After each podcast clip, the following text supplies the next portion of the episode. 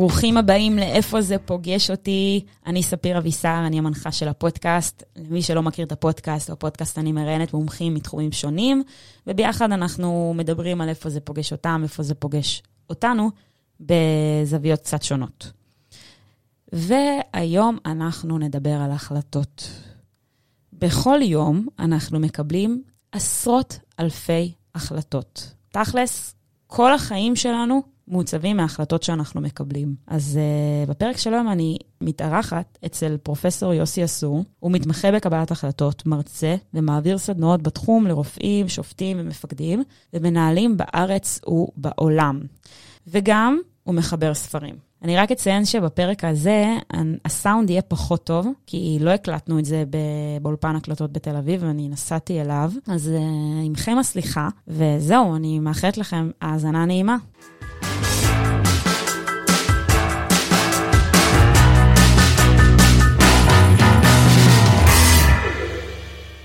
מה הכשלים באופן שבו אנחנו מקבלים החלטות? יש המון כשלים. יש כשלים הסתברותיים, זה שאנשים לא יודעים להעריך סיכויים נכון. אוקיי. Okay. ויש כשלים תוצאתיים, שאנשים לא מעריכים את התוצאות נכון. אז זה שני הסוגים הכלליים. תן דוגמה לזה וניתן דוגמה לזה. מעולה. הכשל אולי הכי מפורסם, הנה אנחנו בתקופת קורונה עכשיו, אחד הכשלים זה כשל ההיפוך. מה זה אומר? מה זה אומר? אני אגיד קודם מתמטית, זה מפחיד, אבל אחר כך אני אפרש.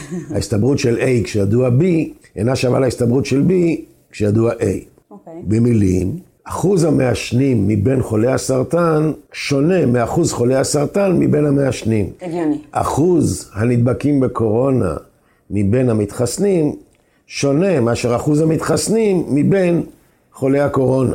ורואים היום בשיח הציבורי, אנשים מבלבלים בין השניים. והפער ביניהם יכול להיות פער בין 99% ל-0.3%. למשל, אחוז הנרקומנים מבין משתמשי החשיש הוא מאוד מאוד נמוך. אבל אחוז משתמשי החשיש בעבר מבין הנרקומנים הוא מאוד מאוד גבוה. רוב הנרקומנים התחילו עם חשיש, אבל לא רוב משתמשי החשיש עברו להיות נרקומנים.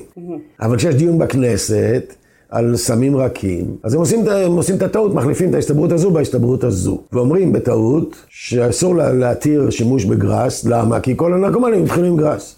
אז זה נכון, אבל זה לא רלוונטי. השאלה היא איזה אחוז ממשתמשי הגראס יהפכו להיות נרקומנים. וזה הפער. וזה, וזה הפער בין תפיסת ההסתברות. אני כתבתי פוסט שאמרתי שצריך להפסיק את ההנקה בישראל, כי כל הנרקומנים התחילו מזה שהם ינקו. אז קודם כל נעצור את זה. אז זה אי הבנה של הסתברויות. אתן לך עוד דוגמה מאוד מפורסמת. אישה בבית הספר הוגרלה באקראי מבין כל העובדות בבית הספר. בסדר? אוקיי. נגיד שיש 100 נשים שעובדות בבית הספר, כל מיני תפקידים, מורה, ספרנית, אה, חובשת, הוגרלה אחת באקראי. מתברר שזאת אישה ביישנית, היא בקושי מדברת עם, עם סביבתה, היא עוזרת אם מבקשים ממנה, היא בת 40, כזו, בסדר. מה נראה לך? מה, מה היא עוסקת? האם היא מורה, או פסיכולוגית, או ספרנית, או אחות? בנטייה הראשונית הייתי אומרת ספרנית. נכון. מה רוב האנשים אומרים? ספרנית. מה הטעות? שהיא לא. שהיא לא. למה היא לא? כי היא נבחרה באקראי. אז מה, מה סביר יותר באקראי, שתיבחר מורה או שתיבחר ספרנית? מורה. בדיוק. ואנשים מתעלמים מזה. Mm. אז זה, זה דוגמה לכשלים הסתברותיים. יש עוד הרבה כאלה. אנשים חושבים שאחרי שרולטה נפלה על אדום חמש פעמים, עכשיו היא תיפול על שחור. כאילו הגיע הזמן, אה, מה זה, לא יכול להיות. אז כמובן זה לא נכון. זה נקרא כשל המהמר. אז יש, אלה כשלים הסתברותיים. עכשיו יש כשלים תוצאתיים. כשלים תוצאתיים זה כשאנשים יחסים לכסף, או, או לאו דווקא כסף, אבל לתוצאות, אה, חשיבות לא נכונה. למשל, אה, אם אני אשאל אותך מה תעדיפי, לקבל אלף שקלים היום או אלפיים מחר, רוב האנשים יגידו אלפיים מחר. אבל אם אני אשאל אותך מה תעדיפי, לקבל אלף שקלים בעוד עשר שנים, או אלפיים בעוד עשר שנים ויום, אז פתאום ההבדל בין אלף לאלפיים, מה זה עוד עשר שנים? זה לא משנה, כאילו כבר לא משנה. בשני המקרים דוחים תשלום של אלף שקל ביום. אז זה, זה נקרא אה, כשל ההווה, או יש כל מיני כשלים כאלה, או סיכון. יש אנשים שמשלמים ביטוח, המון כסף על ביטוח, כנגד הפסדים קטנים יחסית. הם תופסים סיכון בצורה חמורה מדי, מחמירה. אז איך אפשר באמת לדעת, אבל, לאזן בין השניים? איך אפשר לדעת? למשל, אה, לא לבטח דברים שאת יכולה לעמוד בנזק. Mm. למשל, המקרר שלך. מקרר עולה כמה? 5,000 שקל, נגיד. כן. אז אם הוא מתקלקל, וצריך לקנות מקרר חדש, זה לא נעים, זה 5,000 שקל, אבל זה לא נורא, זה לא ימוטט אותך. Mm-hmm. תשיגי, אם אין לך כסף, תשיגי קצת כספים ותחזירי עם הזמן. את האוטו צריך לבטח, זה 100 אלף שקל, אי אפשר לא לבטח 100 אלף שקל למי שזה משמעותי בשבילו. אבל למשל, חברות הליסינג לא מבטחות את הרכבים שלהם. למה? כי יש להם המון רכבים. אז אם, לא, אז אם אחת תיגנב, אז יש להם חוסכים מכל האחרות שהם, שהם לא ביטחו אותם. הם יכולים להיות חברת הביטוח של עצמם. אז הרבה חברות קטנות, למשל, עושות ביטוח כשהן לא צריכות, הם, יש להם עשרה רכבים, זה כבר יכסה אחד את השני, פחות או יותר. המספר, רואים שהמספר 30 הוא המספר שמעבר לו, זה כבר נחשב גדול. אז כבר לא שווה... אז כבר לא שווה לעשות ביטוח. אם זה 30, נגיד מכונית אחת זה 3 אחוז, נגיד יקר. אבל אם יש 100 רכבים, כל מכונית זה אחוז אחד, אז הסיכון הוא קטן יחסית. אז אנשים... של... כן, אנשים תופסים סיכונים בצורה מחמירה, למשל. או אנשים פוחדים שהם יתחרטו. או אנשים פוחדים שהם יתאכזבו. אז הם לא עושים כל מיני דברים, העיקר לא להתחרט. בוא נדבר על חרטה, כי אתה גם כותב על זה באמת בספר, פיצות אה, איקאה ודילמת האיש השמן. נכון. וזה ניכר כאילו חרטה זה משהו ש... תופס אותנו בכל זווית בחיים. גם אם אנחנו, לצורך העניין, מקבלים כבר החלטה, ונגיד מנצחים, נגיד נתת דוגמה של הימורים, mm-hmm. אז נניח אני מהמרת, וניצחתי בהימור, קיבלתי כבר את הכסף על ההימור, כן. זכיתי. כן. ואז אני... אני מתחרטת, איך לא שמתי יותר כסף. נכון. אז כמה ההימנעות מהחלטה יכולה לשפר לנו את איכות החיים, וגם איך אפשר לא להתחרט פשוט. זה צריך להיות חינוך. אני אומר אפילו חינוך עצמי. אני השקעתי הרבה בבורסה, והפסדתי המון בבורסה. וכל פעם שהייתי מפסיד, הייתי מתחרט, למה עשיתי זה ולמה עשיתי זה, ולא הייתי אשם בלילות. סכומי כסף גדולים, את כל החסכונות שלי אני חסכתי כל הזמן רק במניות. זאת אומרת, וואו. הכי מסוכן שיכול, לא הכי מסוכן, אבל מאוד מסוכן. זה לא פיזי, שום, כאילו, בוא נגיד, זה לא משהו שהוא... לא, אבל שום דבר סולידי, לא היה לי אגרות חוב ממשלתיות וכאלה, הכל מסוכן. וזה הוכיח את עצמו, בסופו של דבר זה הרוויח. אבל היו המון הפסדים גם, כי כי ככל שזה מסוכן יותר, אז גם התשואה גבוהה יותר, אבל גם הסיכון גבוה יותר. לא יכול להיות ש, שגם זה לא יהיה מסוכן וגם יהיה תשואה גבוהה. ו, והייתי, לא, לא הייתי אשם בלילות, למה עשיתי את השטות הזו, למה קניתי את המניה הזו? עד שלימדתי את עצמי לא להתחרט. איך? פשוט, נשמע מדהים, נשמע מדהים, אבל הרוב לא... אני אומר לעצמי, זה לא יעזור לי כלום אם אני אתחרט. מה זה יעזור לי? אני אלמד מהשגיאה שעשיתי ואני לא אעשה אותה בעתיד, וזהו. מה שהיה, היה. מה זה יעזור לי שעכשיו שאני אגיד, למה, למה אמרתי לאיש ההוא את מה שאמרתי? אני יכול להצטער על זה, אני יכול להגיד, אני אזהר פעם הבאה לא לדבר בגסות, אבל אין לי, אין לי מה להתחרט על זה. שגיאה, אוקיי, אני מכיר בשגיאה, אבל אני לא אתחפר בה. כי מתחפרים, אז, אז, אז שוקים יותר עמוק. אז פשוט זה, זה חינוך עצמי, אני לא מתחרט. יש תפיסת העולם הבודהיסטית, אומרים שסבל שווה לכאב כפול התנגדות. כואב לי, נגיד, החברה שלי עזבה אותי, כואב לי. עכשיו אני יכול להתחיל ליילל ולבכות, לא הייתי צריך להגיד לה ככה, לא הייתי... זה התנגדות. הכאב יכול להישאר, אבל לא צריך להיות סבל. זאת אומרת, החרטה רק מגבירה את הסבל. החרטה מעצימה את הכאב. אני יכול להגיד, עשיתי שגיאה, נסעתי, שלחתי אס.אם.אס תוך כדי נהיגה, נכנסתי באוטו שעם זה, יש לי נזק של 5,000 שקל, בפעם הבאה אני לא אשלח אס.אם.אסים תוך כדי נהיגה. עכשיו להגיד, למה שלחתי, מה הייתי צריך, זה לא יעזור כלום. זה לא מקדם אותנו בעצם. לא מקדם, ההפך, רק מכניס אותנו יותר עמוק בתוך הבור. אוקיי? שגיאה, מה אני לומד ממנה, וזהו. כי זה יכול גם, כאילו, אני לא אומרת עכשיו ברמה הכי קיצונית ללכת לפרפקציוניזם, מצד שני, באמת, איפה אנחנו מוצאים את האיזון, שאנחנו לוקחים את זה ומנתבים את זה למקום שהוא באמת מצטיין, אבל בכל תחום בחיים, אבל באמת לא... כן, אז מצאו קשר עמוק מאוד בין פרפקציוניזם לבין חרטה. אנשים שמתחרטים הרבה הם גם פרפקציוניסטים. והם גם לא מאושרים, והם גם עצבניים. יש סט של מחקרים שמקשרים חרטה עם הדברים הכי שליליים שיכולים להיות. ממש, אני יכול לצטט הרבה מחקרים. מדהים. ופרפקציוניזם זה, זה דוגמה לאיך אנשים נמנעים מלקחת סיכון. הם אומרים לעצמם, אני פרפקציוניסט. אני לא, אדם צריך לעשות את הטוב ביותר שהוא יכול, כמובן. אבל השימוש במילה פרפקציוניסט, זה אני רק הולך על 100. האנשים האלה לא נהנים לא מ-99, לא מ-98. הם מקבלים ציון 99, הם בוכים על, ה, על הנקודה, הם מתחרטים, למה בשאלה הזאת עניתי ככה ולא ככה? 99. פרופורציות, בקיצור. כן. אז חרטה ואושר הם שני דברים מנוגדים. ממש, יש בלי סוף מחקרים על זה. אני ממש סקרנית לדעת מה גרם לך ללכת לכיוון הזה, ולעשות את הדוקטורט, את כל הלימודים שלך, דווקא על קבלת החלטות. מה היה... אני אגיד לך למה. כי אני התלבטתי אם ללמוד גנטיקה או ביוכימיה. ואז הלכתי ללמוד מנהל עסקים. ככה. פשוט צצו הזדמנויות, הלכתי, המשכתי דוקטורט, התלבטתי בין מערכות מידע לבין קבלת החלטות. היה מרצה אחד מאוד מוצלח בקבלת החלטות. רפה? רייפה, כן, האוורד רייפה.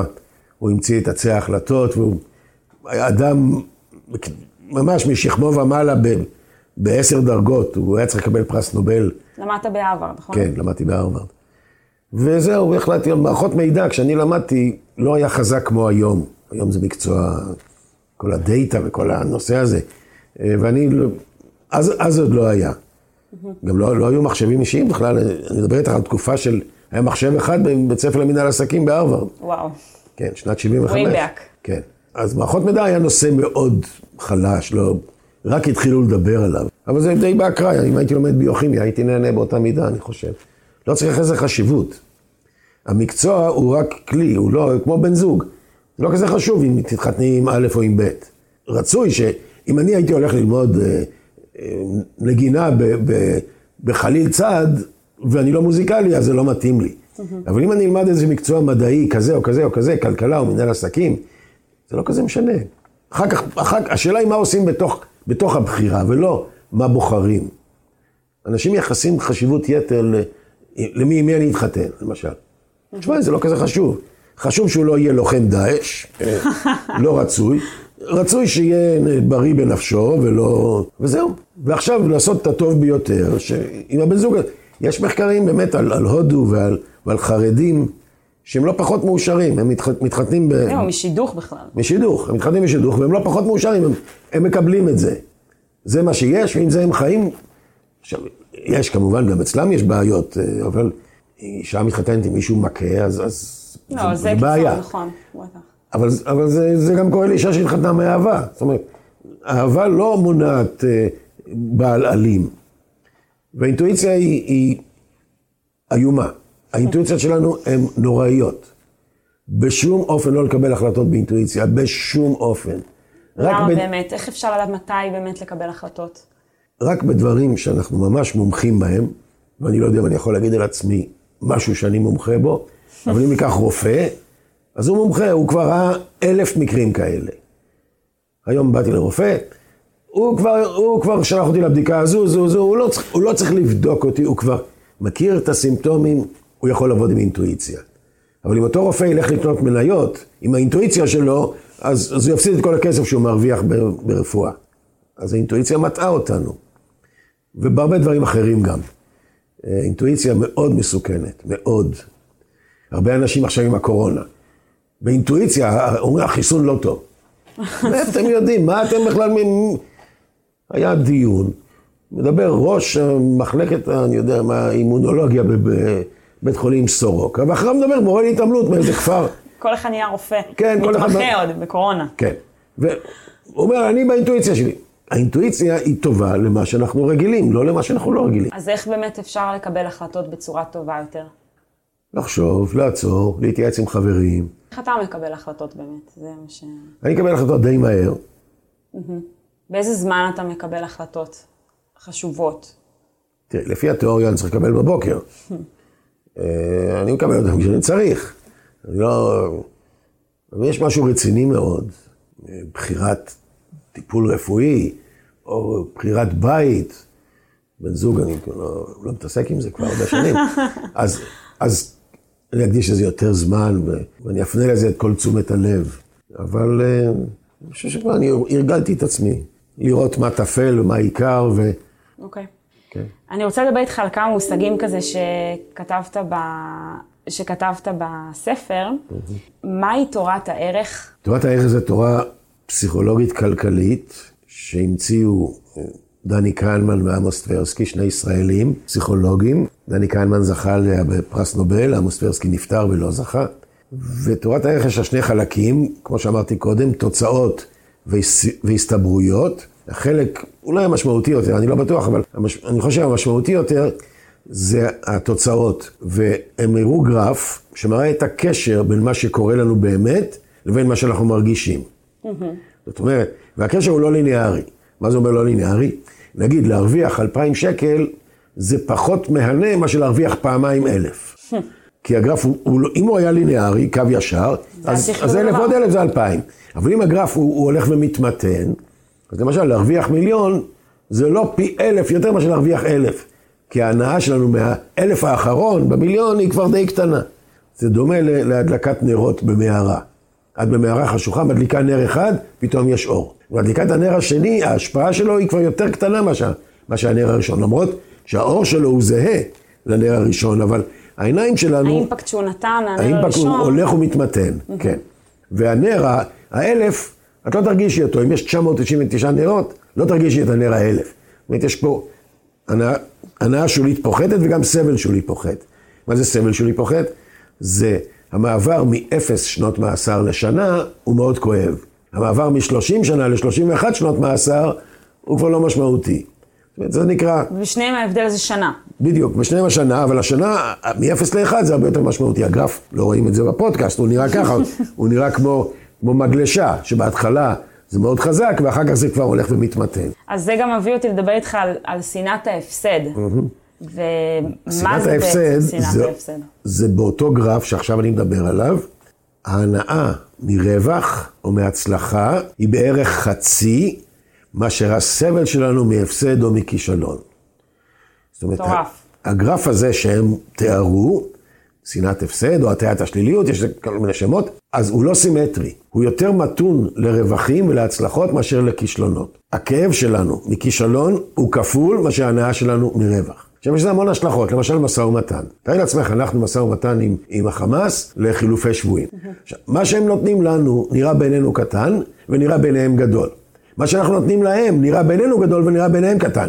כי כל אחד על אותו דבר הוא בצד השני של הגרף. מה שאני נותן זה, זה הפסד בשבילי, אבל זה רווח בשבילם, וההפך. אז, אז זה בעיה במשא ומתן, למשל, או אה, שינוי. זה גורם להתנגדות לשינויים. למה?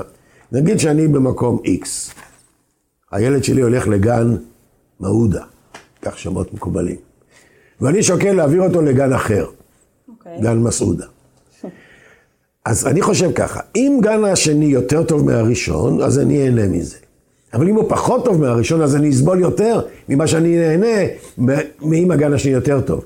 ולכן הנטייה לא לשנות. ואם תשאלי אנשים, רוב האנשים כמעט לא שינו את הספר שלהם במשך עשרות שנים, לא שינו את הבנק שלהם. את הדרך שהם נוסעים בבית. את הדרך שהם נוסעים, כן. אנשים, והנה זה מתחבר לחרטה. כי אם אני אשנה את הדרך, ואז יתברר שיש פקק נוראי, אני אגיד, למה שאני, אם אני בדרך הרגילה שלי, אז אני לא יכול להתחרט, אני מתאכזב, יש פקק.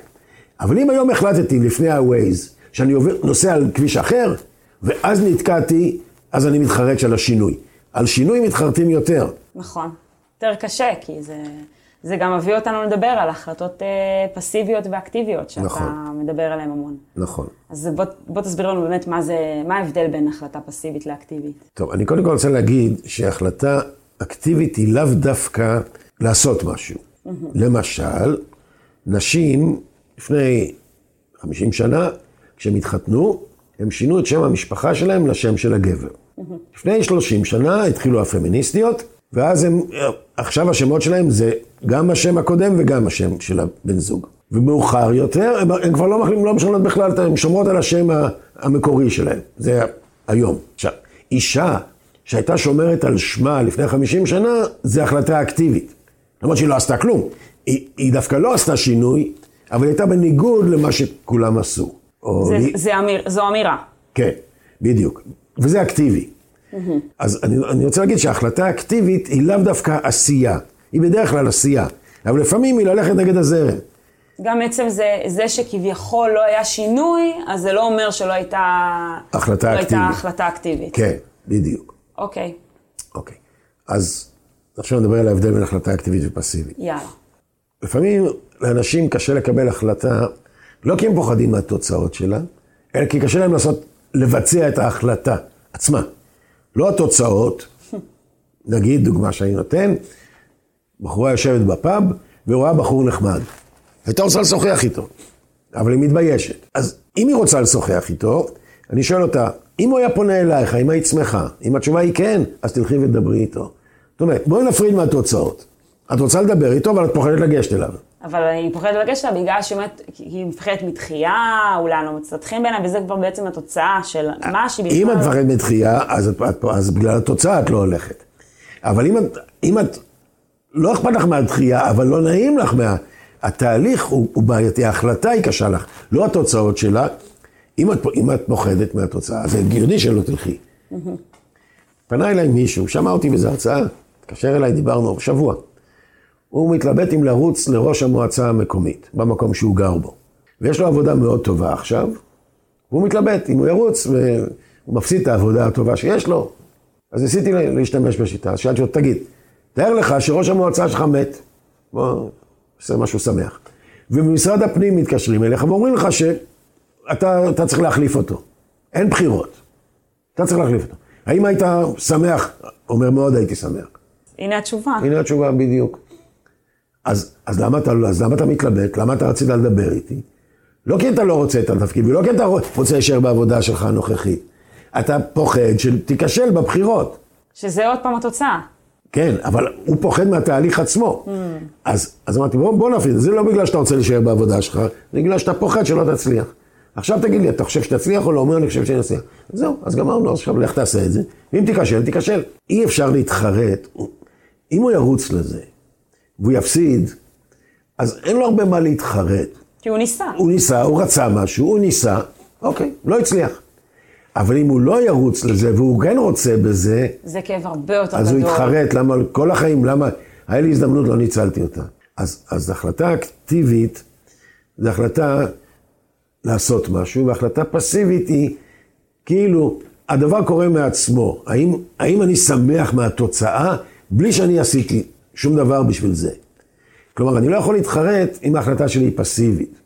אני נותן דוגמה של אישה שנכנסה להיריון ומתלבטת אם להפיל את התינוק או לא. אז אם היא עברה הפלה טבעית, אז היא לא יכולה להתחרט. אלוהים, אתם, משהו עשה את זה. אם היא מחליטה לעשות את זה, היא כן יכולה להתחרט. אז חרטה זה רק על החלטה. אז אני מנסה לנטרל את החרטה. קרה מעצמו. עצמך, עם עצמך, אז עכשיו תעשי את זה. תתעלמי מה, מהאפשרות שתתחרטי אחרי זה. מדהים. ויש המון דוגמאות. אתן לך עוד דוגמה. עוד שתיים אפילו. אה, אני אשמח. הייתה תוכנית טלוויזיה שקראו לה החלטה, נכון, שאתה גם... ואני הופעתי בה. והראשון שפגשתי היה אב שכול. אני אומר אב כי, כי הבן השני זה לא, לא מאותה אימא, ולכן השיחה הייתה עם האבא. והאח האח שלו, של, של, של זה שנהרג בצוק איתן, רוצה ללכת ליחידה קרבית. ואבא מתלבט אם לאשר לו או לא. חייל לא יכול ללכת ליחידה קרבית בלי שחותמים לו. בלי שחותמים לו אם יש לו אח שכול. כן. נכון. ואבא אמר, אני לא, הבן מאוד רוצה ללכת ליחידה קרבית, ואני לא יודע, לא, לא רוצה לחתום לו, זה... מספיק סבלתי פעם אחת. ושאלתי אותו, תאר לך שהיו מחליטים בצה"ל שמפסיקים עם העניין הזה שאתם צריכים לחתום. מי שהולך ליחידה קרבית הולך... נגמר הסיפור של אחים שכולים.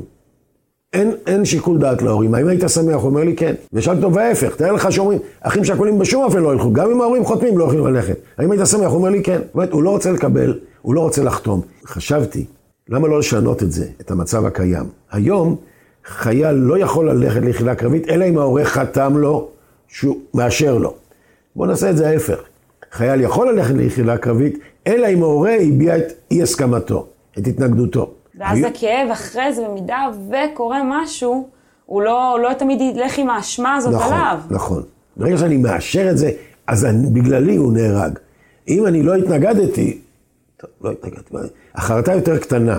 אז, אז יש, דוגמה נוספת הייתה עם מישהו ביל- ב- איך שהוא נולד. ובגיל 18 הוא רצה לפתוח את התיק אימוץ שלו, והאימא שלו, הביולוגית, לא רצתה לפגוש אותו. הוא נפגע פעם נוספת. ועכשיו הוא בן 40 ומשהו, והבת שלו בת 18 רוצה להכיר את סבתא שלה. והוא צריך עוד פעם ללכת לאימא שלו ולפנות אליה. הוא מתלבט אם לעשות את זה או לא.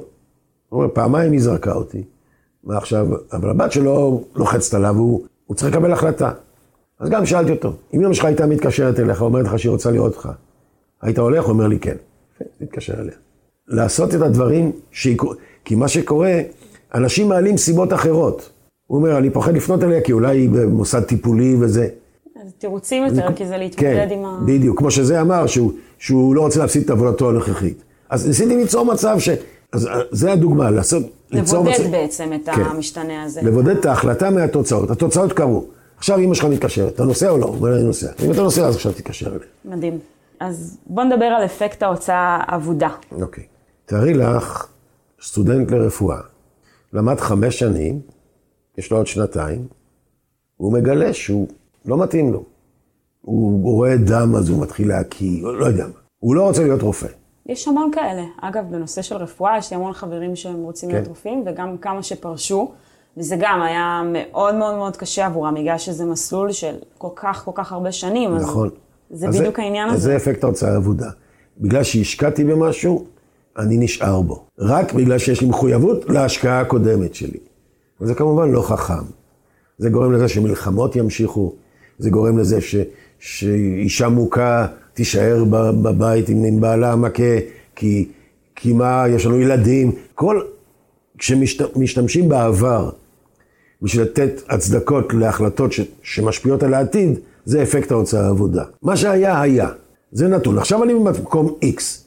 האם שווה לי להשקיע עוד שנתיים לימודים בשביל להיות רופא, כן או לא? זה שהשקעתי חמש שנים זה כבר לא רלוונטי. ואם בחמש שנים האלה טיילתי, מה זה משנה? אה, זאת השאלה. והרבה אנשים עושים את הטעות, זה כשל. הנה דוגמה של, דיברנו על תוצאות. זה כשל של פרויקט הלוי. מדינת ישראל השקיעה בו המון המון כסף. או מטוס הקונקורד באירופה. קשה מאוד לזהות שעשינו טעות. יש לי דוגמה שאני מספר, שהגעתי. היה פעם מחסום רכבת בדרך הביתה, בדרך שלי. ואני עומד על המחסום, המחסום למטה.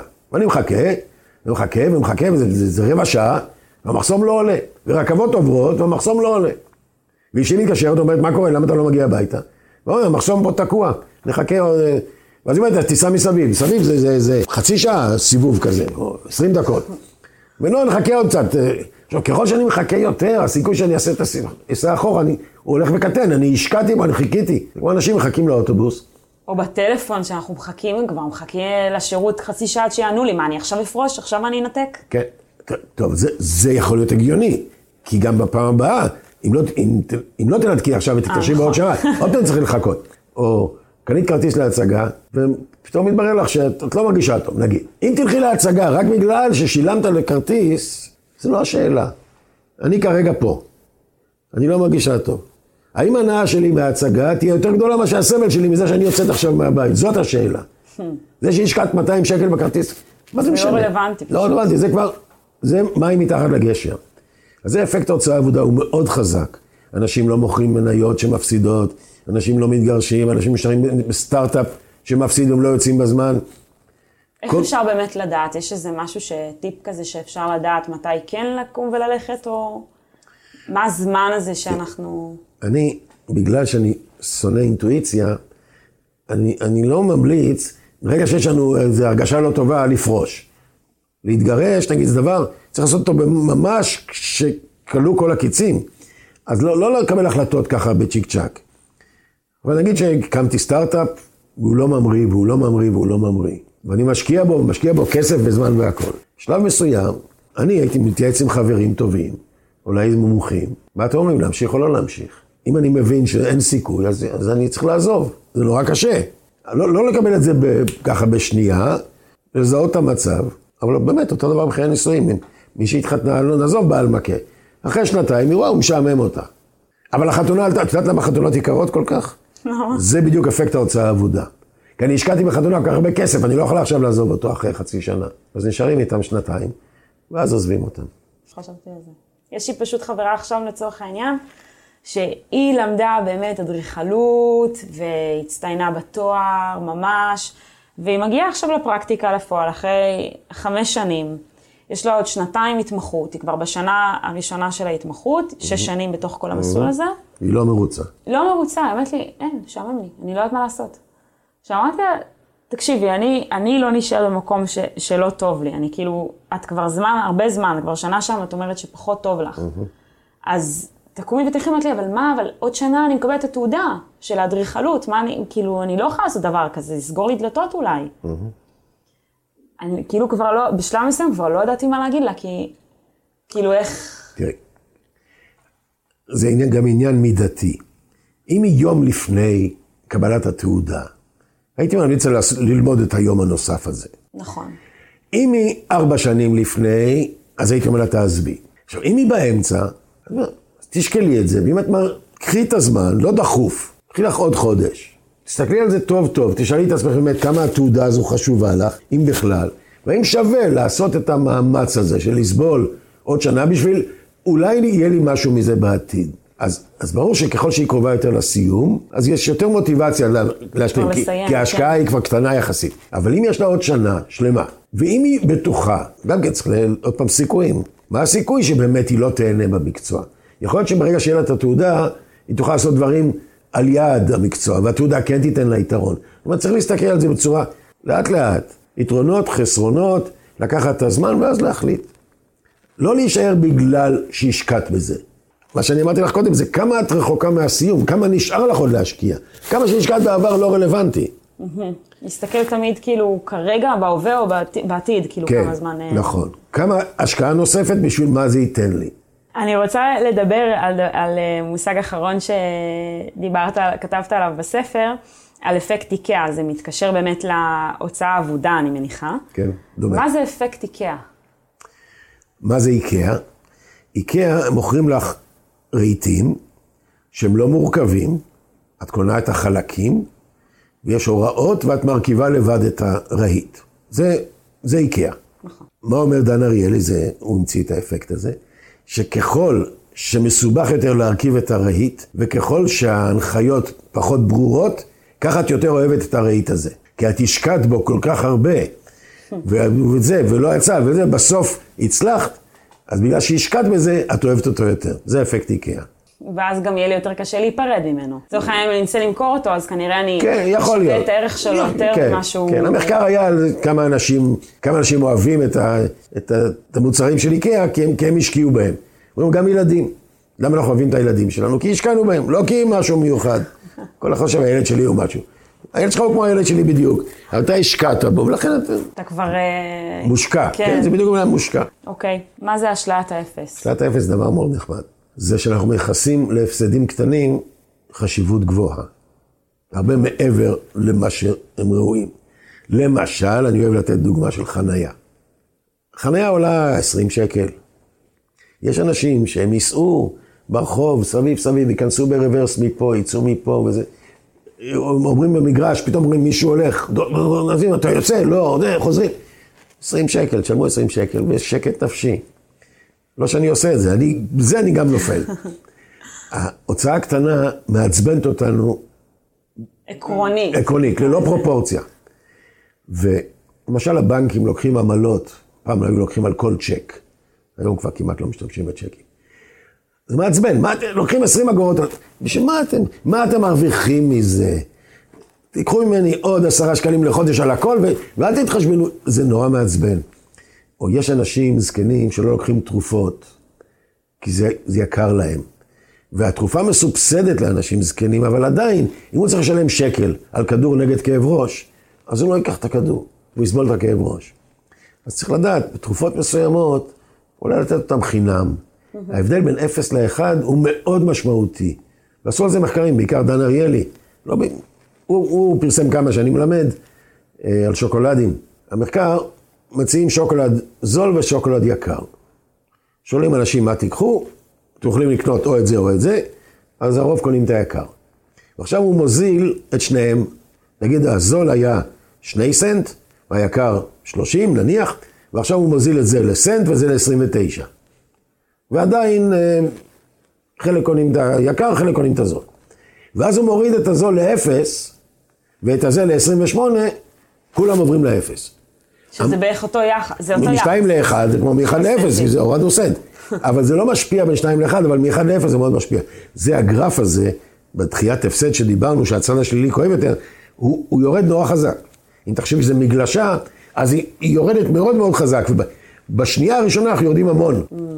וזה ייחוס נזק לא פרופורציונלי לנזק האמיתי. ייחוס סבל גדול לנזק קטן.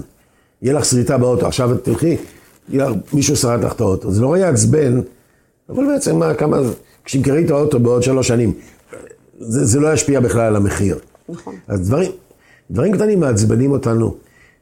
יש אנשים שמבינים את זה.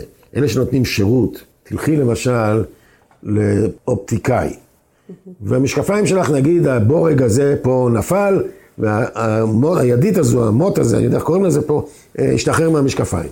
ואת הולכת לאופטיקאי, הוא שם את הבורג, מבריג לך, את שואלת אותו כמה זה, הוא יגיד לך, עזבי, זה, זה שירות. הוא מבין, מה הוא יכול, ייקח לך שני שקלים.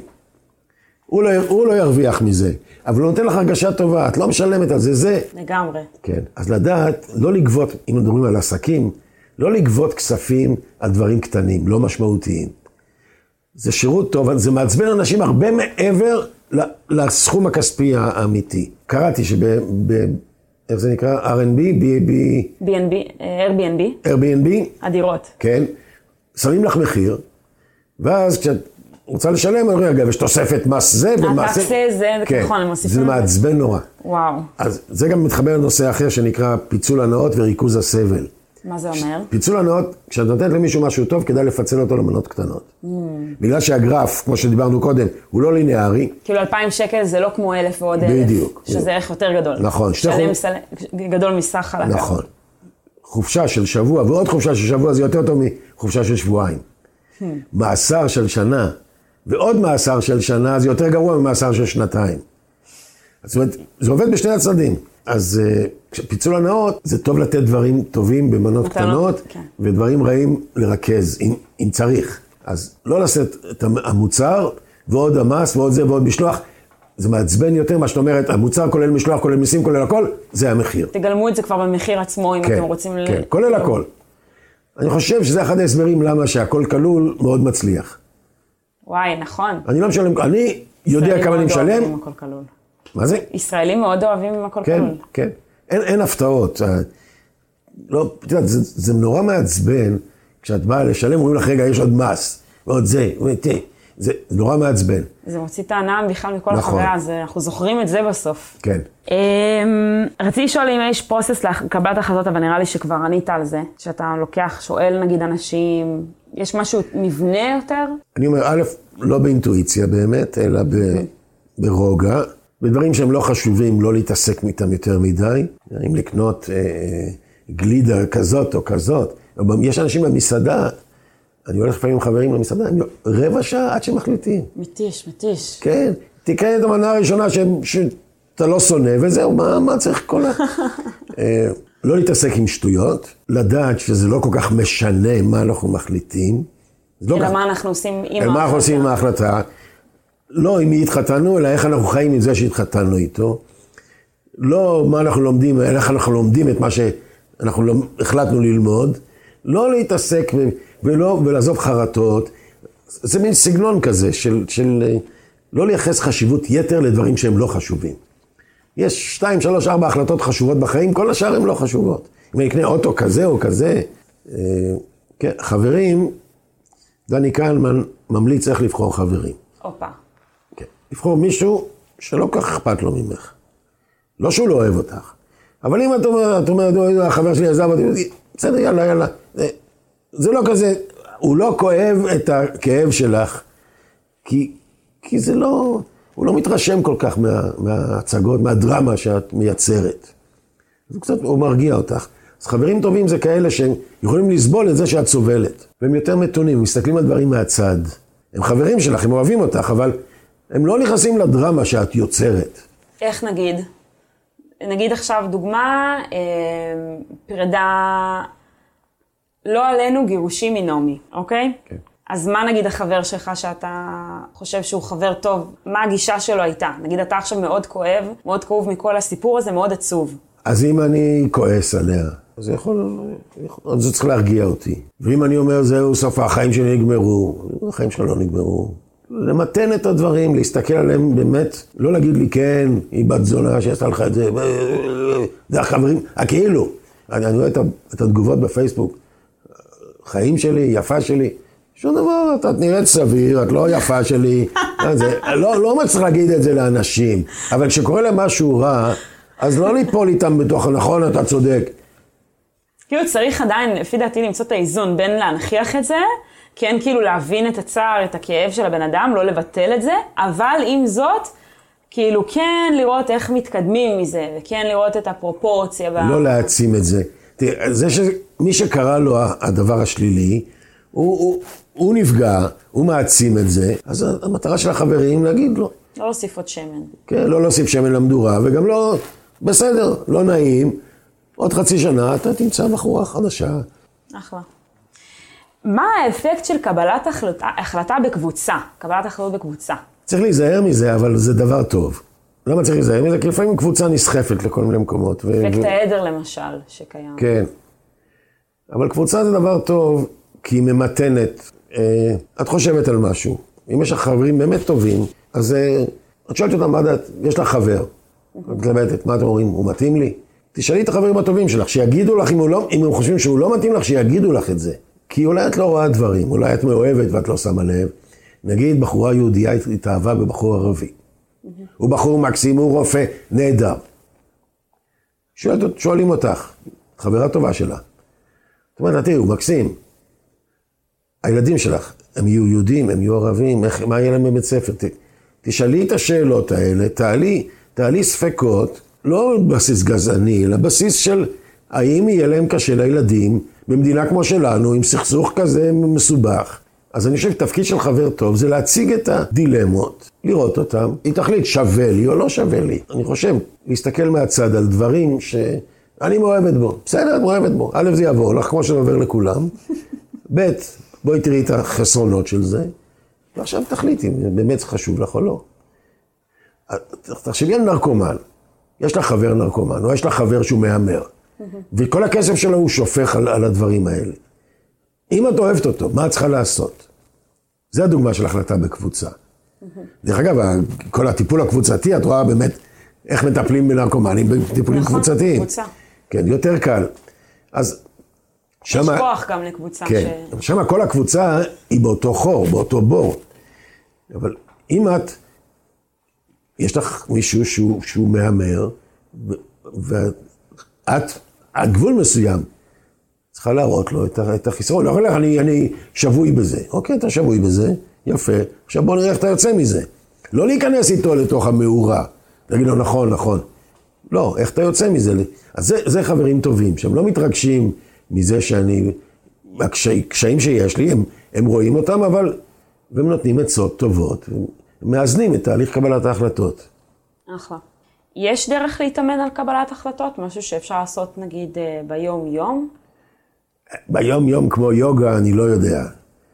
אבל אה, באמת ללמוד, להיות מודעים לשגיאות. זה כמו כל דבר, אם ככל שעוסקים בו יותר, אז יש יותר מודעות. אני, אני גם עושה שגיאות, אני תופס את עצמי עושה שגיאות שאני מלמד אותם אפילו, אבל אני, אני מודע לזה יותר, אני משתדל להימנע משגיאות.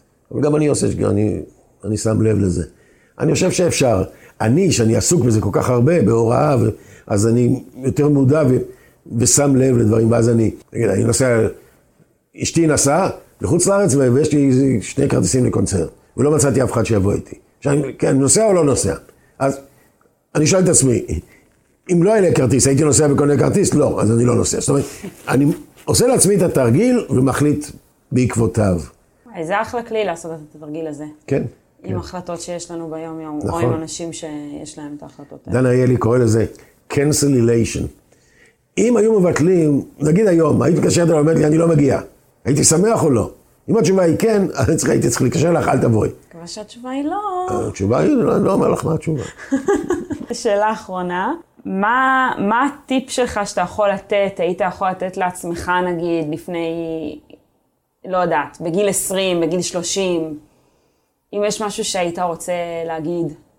לעצמי, אני, אין לי הרבה דברים שאני יכול להגיד, אבל אם אני צריך להגיד למישהו אחר, אני חושב, הנושא של לקחת סיכונים. לא לפחד לקחת סיכונים.